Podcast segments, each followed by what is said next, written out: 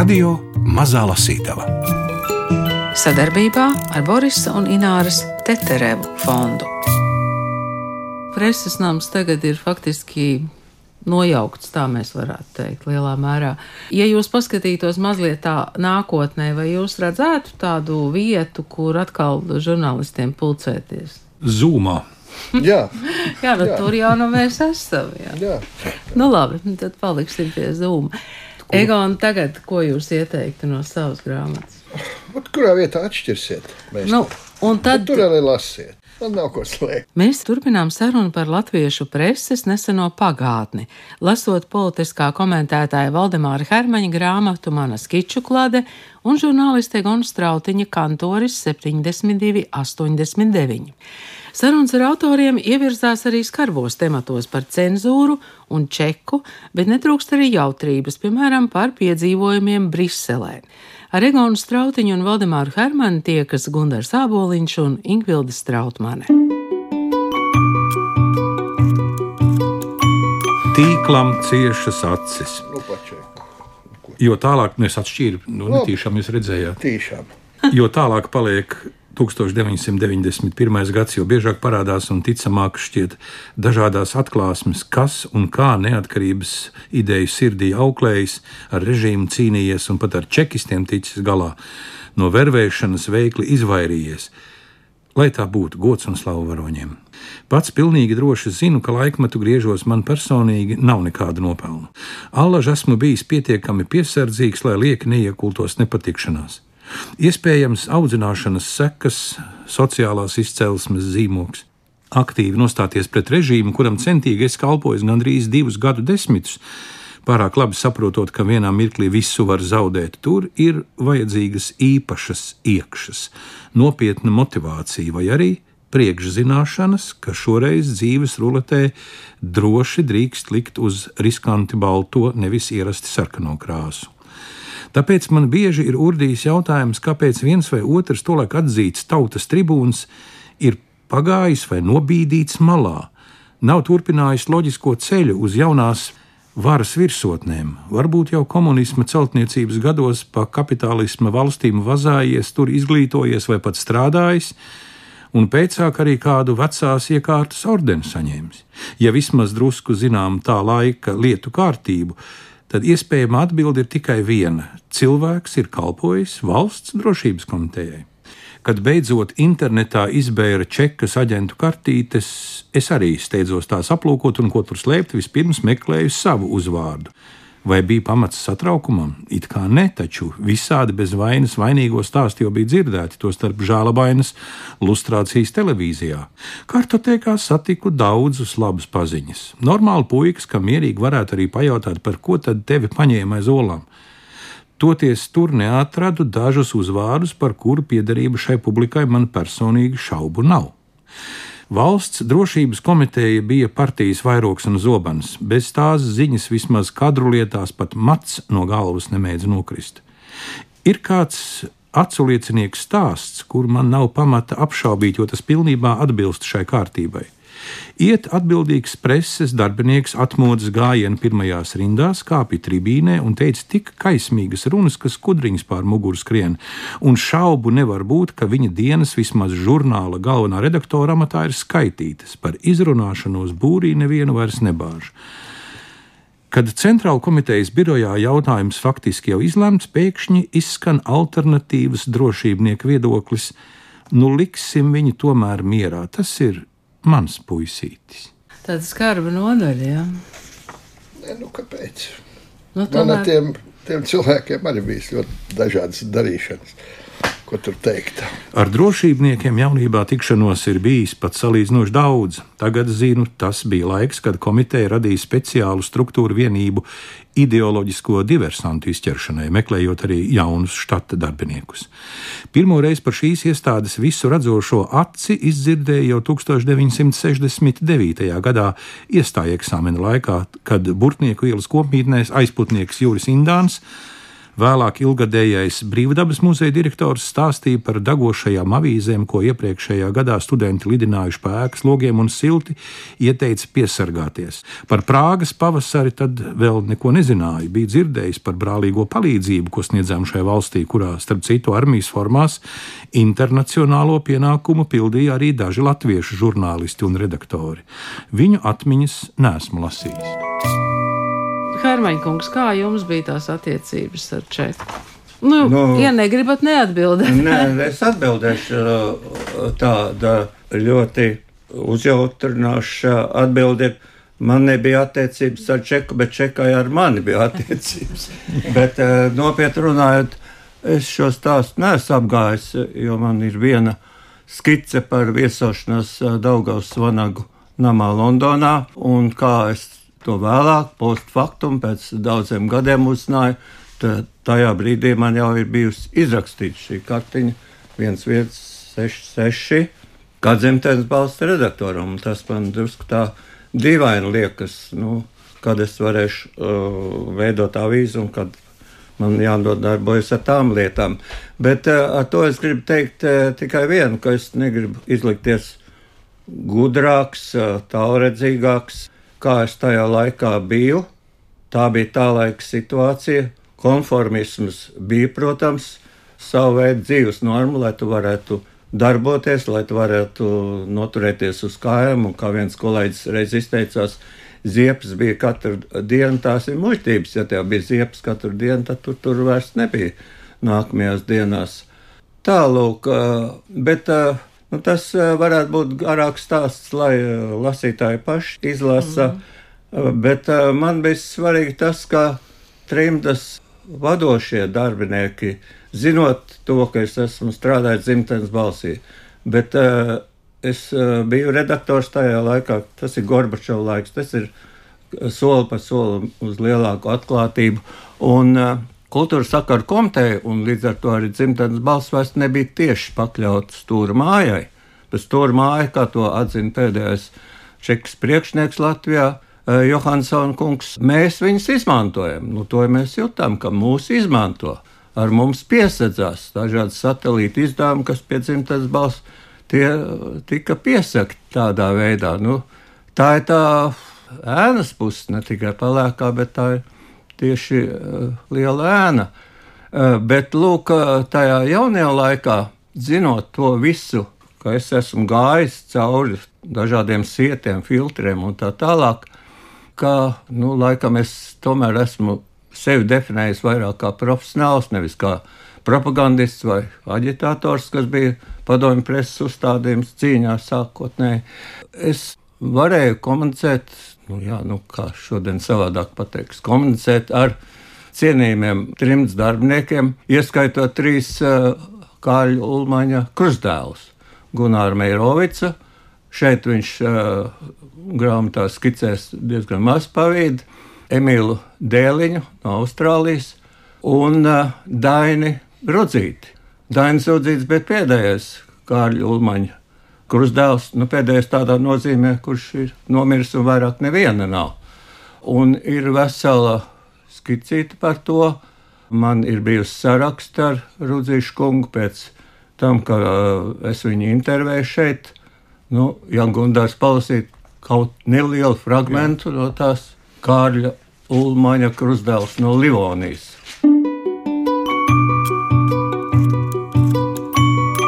Kārļa Ulmaņa krustdēls no Livonijas. Pirmo reizi šo kungu satiku kādā PBLA sanāksmē tepat Rīgā. Iepazināmies, parunājām, vienojāmies par interviju. Tā tika publicēta NRA sestdienas pielikumā Mēs. Mūsu saziņa, solidāk laikam korespondence, turpinājās līdz viņa aiziešanai mūžībā 2017. gadā. Dainis Rudzītis, zemsavietis, valsts kancelējas direktora Dāvida Rudzīša dēls, viens no pieciem Kārļa Ulmaņa krustdēliem. Skolojies Valda Zālīša pamatskolā un Rīgas pilsētas pirmajā gimnāzijā. Starpkara periodā Rudzīšu ģimenes 17 gadus nodzīvoja Krišjāņa Valdemāra ielā 3, kur līdz 1939. gadam, līdz vēlam rudenim, mājojas arī Kārlis Ulmans. Vasarās viņš kā krustāvs rīkojas privātas satikšanās dauderos. Dauderos bijām četri ulmaņa krustdēli, citā reizē man apstiprināja Gunārs Meijerovics. Mūsu pirmajā sarunā Rudzīšu kungu vairāk iztaujāja par starpkaru gadu slavenībām, par draudzību ar Gunāru Meijerovicu no bērna kājas, par aizsargu bruņām, ko sniedz piederība Latvijas brīvvalsts augstākajai elitei, par atmiņu improvizācijas meistaru, cik zinu, Daini Rudzīti neviens nav dēvējis. Vai namā, kur tagad atrodas ārlietu ministrija, pastāvēja caurlaižu sistēma? Caurlaižu sistēma tika ieviesta 1934. gada 15. maijā, bet arī tikai uz papīra. Piemēram, kad pie mums nāca cilvēki, mēs iedavām sarakstu, kas nāks, un nekādas caurlaides nebija vajadzīgas, atcerējās Rudzītis. Dzīvē viņam allaž noderējis mātes dotais vērtību mērs, ka ir konjunktūras cilvēki un ir īstie draugi. Pietuvināto personu lokā bija arī Vilhelms Munters, kuru Ulmaņa krustdēls raksturo kā vēsu diplomātu, kurš ļoti augstu vērtēja savu karjeru. Par tā laika Latvijas ārlietu ministra dubultspēli ar Maskavu viņš, kontekstā arī var ķezbara grāmatā durvīs paustiem apgalvojumiem, spriež atturīgi. Zīmīgi gan bijuši Daņa tēva vārdi kādu dienu pie ģimenes pusdienu galda. Šis cilvēks mūsu mājās kāju vairs nespers. Citādas attiecības rudzīšiem bijušas ar Alfredu Bērziņu, vienu no Kārlim Ulmanim uzticamākajām figūrām. Ar bijušo sabiedrisko lietu ministru Dainis Rudzītis plecu pie pleca strādājis Amerikas Latviešu apvienības ALA valdē Mičiganā. Kādā vēstulē viņš man rakstīja, ar Alfredu Bērziņu pēdējo reizi atvadījāmies 1977. gada novembrī Detroitas lidostā. Apkampāmies, Reiz palicis nakšņot pie rudzīšiem, bērziņš esot teicis: Neko savā dzīvē vairs nevēlētos, kā pastaigāt pa Latvijas mežiem un klausīties Latvijas mežu šalkās. Tas ir citāts no vēstules. Aizgājis pēkšņi, kā nopļauts. Valsts kancelējas direktora dēls nepiekrīt manam pieļāvumam, ka bērziņš pretēji Miķelim Valteram varbūt nebija Ulmanim pretimrunātājs. Regulāri un mīļi no Livonija M.I. Mičiganas. Pienāk Ziemassvētku sveicieni un laba vēlējumi pirms kārtējā jaunā gada. Kādam no tiem pievienotas Veronikas strēlērtes, mazliet eleģiskās rindas. Man svešas zemes drūzmā šķitis, kāds manu vaigu maigi skar, un likās skaistāka un cita šī pasaule ir šovakar. Kas tā par Livoniju zem Amerikas debesīm? Daņa rudzīša ieskatā tāda kārtīga latviešu pilsēta. Nosaukums viņa prātā aizgūts no vācu baltiešiem. Kārļa Ulmaņa pēdējā krustdēla dzīve, cik man tajā bijis lemts ielūkoties, spilgts liecinājums viņa atziņai, kur gaiši un darbīgi latvieši, tur allaž vieta mazajai Latvijai. Neviena Eslingenā, Minsterē, Straumēnos un citviet, tepat Eiropā. Tagad kārta būs Egonam. Bet, Egon, jūs to daļu laiku nemaz tā neaprakstāt. Vai vēl neaprakstāt? Nē, nē nebūs ne pat dārza, nebūs arī vēl trešais periods. Man trīs darbietas vispār bijušas tikai. Nu, e, man nu, bija svarīgi uzrakstīt šo gabalu. Es, ne, es negribu teikt, ka tas ir kaut kāds. Nu, Nekrologs, nē, nu. Bet jūsu biogrāfijā rakstīts, Sijā izdevniecības dārdzis, valdes priekšsādātājs visā tās pastāvēšanas laikā no 91. līdz 2004. gadam. Un jūsu pašu vārdi šis periods manā dzīvē ir bijis pats labākais. Ir dažādi līmeņi, ir skolas gadi, jaunības gadi, pa ko es rakstu šeit. Daudzas izprieces. Tas bija nākamais līmenis, kad bija biznesa, ārzemju ceļojumu, svešu valodu apgūvu, cīņa par tirgu. Tas nu, bija, 95. gadā stāv vēl preses nagla man mājās par labākiem finanses rezultātiem. Un tas viss bija. Nu, tas beidzās 2004. gadā, kad tika pieņemts lēmums, ka tas kantors ir strauji jāpārdod Zviedru kapitālistiem dienai, lai, lai ar laiku nebūtu jāsāk domāt, kā var darba ļaudīm mm, algas samazināt. Ļoti vienkārši. Nu, pēc tam bija tāda, pēc tam bija gads bezdarbniekos, un pēc tam. Un tad ir trešā darba vieta. Jā. Laukavīze, žurnāla praktiskais latvietis, galvenais redaktors līdz 2013. gada novembrim. Laikam nedarīja to slikti, jūs pats rakstāt, jo noturējos ilgāk nekā visi četri iepriekšējie galvenie kopā ņemot. Jā, astoņus nu, gadus. Jā, un tagad brīvais žurnālists. Turpinu regulāri rakstīt praktiskajā latvietī par vīru darbiem. Nu, man ir celtniecības pamats. Latviešu bājais punkts visu laiku bija. Nebija, nu, nu ko vecs var mājās izdarīt. Ar mūsu mājām tika iedibināts pilsoniskais dzīvesveids Latvijā, mēdījos. Ja? Svarīgāks ir nevis savu tilts, bet mana māja, manas puķis, mans dārsts, mani suņi, mani. Nu, tur viss, kas tur ir. Par, su, par suņiem un dārziem jau raksta jūsu dzīvesbiedri. Nu, viņa arī beigusi. Nu, tā tad vai ne? Bet to, ko vecs var mājās izdarīt, tur plauktiņas un viss, nu, tā jau nebija. Nu, līdz ar to, teiksim, kamēr es biju redaktors, man tomēr bija jālasa, ko citi dara, citi ir uzrakstījuši. Nu, un tad, kad es aizgāju, tā teikt, mani sasniedzot cienījumu vecumu, dažiem cilvēkiem ir jādodas pelnīt atpūtā. Nu, bet tad man vēl gribējās uzrakstīt, atgriezties atpakaļ pie tā, kas notiek būvniecībā. Un staigāt pa izstādēm, iepazīties ar interesantiem cilvēkiem, pa jumtiņiem, visu, teiksim, pa veidināšanas sistēmām, tur rekuperācijām. Tā, un tā mierīgi. Jūs tagad varētu par ekspertu strādāt kaut kur, kur ir kaut kas tek vai es kaut vai, kas pūš vai, vai pūš. Vai, tikai vai... teorētiķi. Nu, bet jūs varat dot padomus vismaz. Mēs vairs nedzīvojam padomu valstī. bet, eh, Hermaņkungs, kā jūs iedalītu to, to savu dzīvi? Jā, ja Strātiņkungs teica, trijos posmos pareizi bija, ja? tad kā jūs iedalītu? Nē, nu grūti, eh, tad jau tie atskaites punkti jā, jāizvēlas.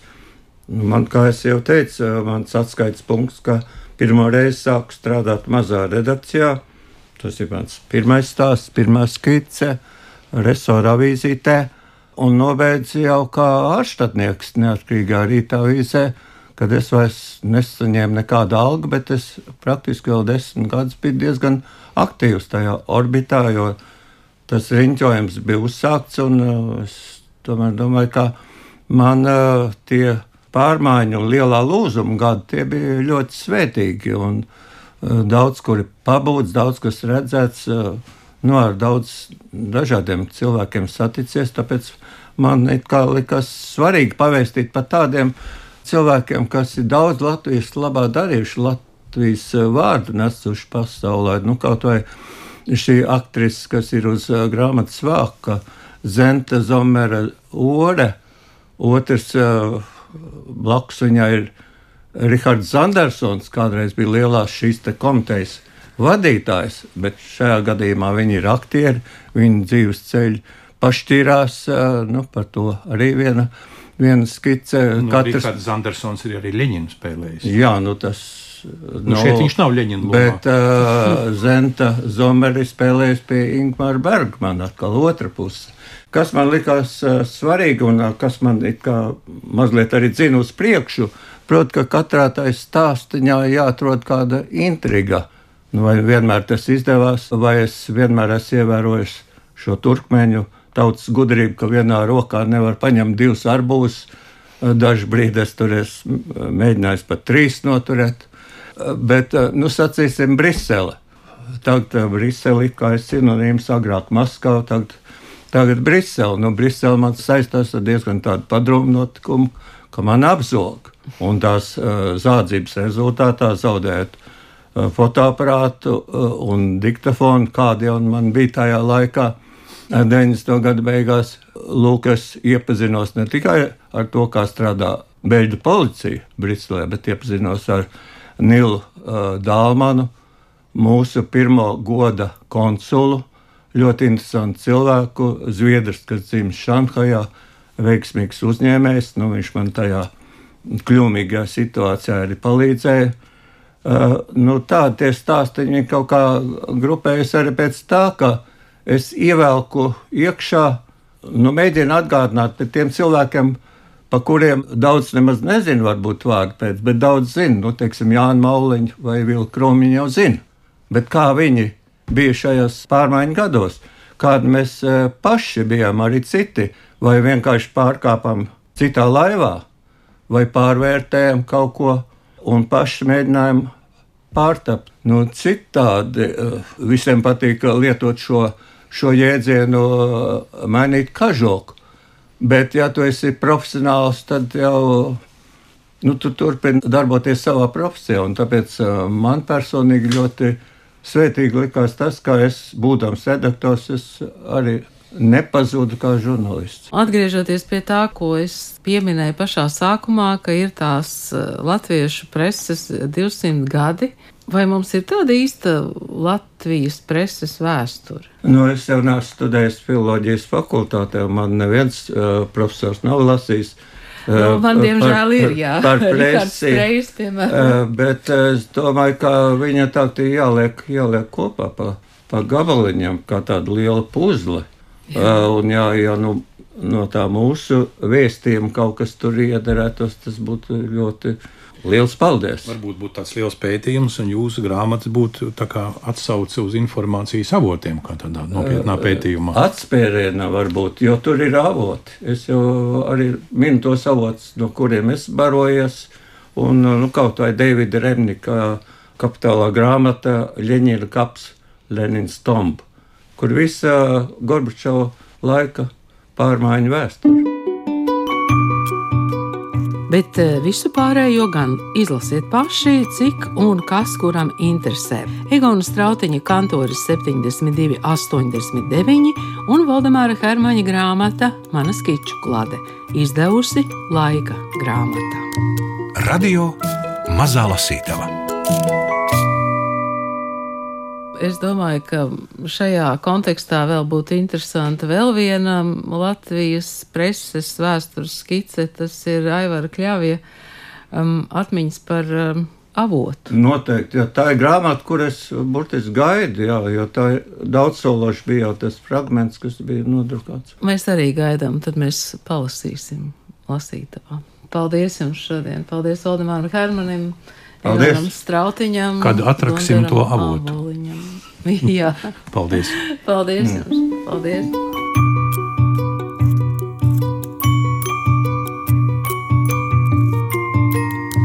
Radio Mazā Lasītava Sadarbībā ar Borisa un Ināras Teterevu fondu.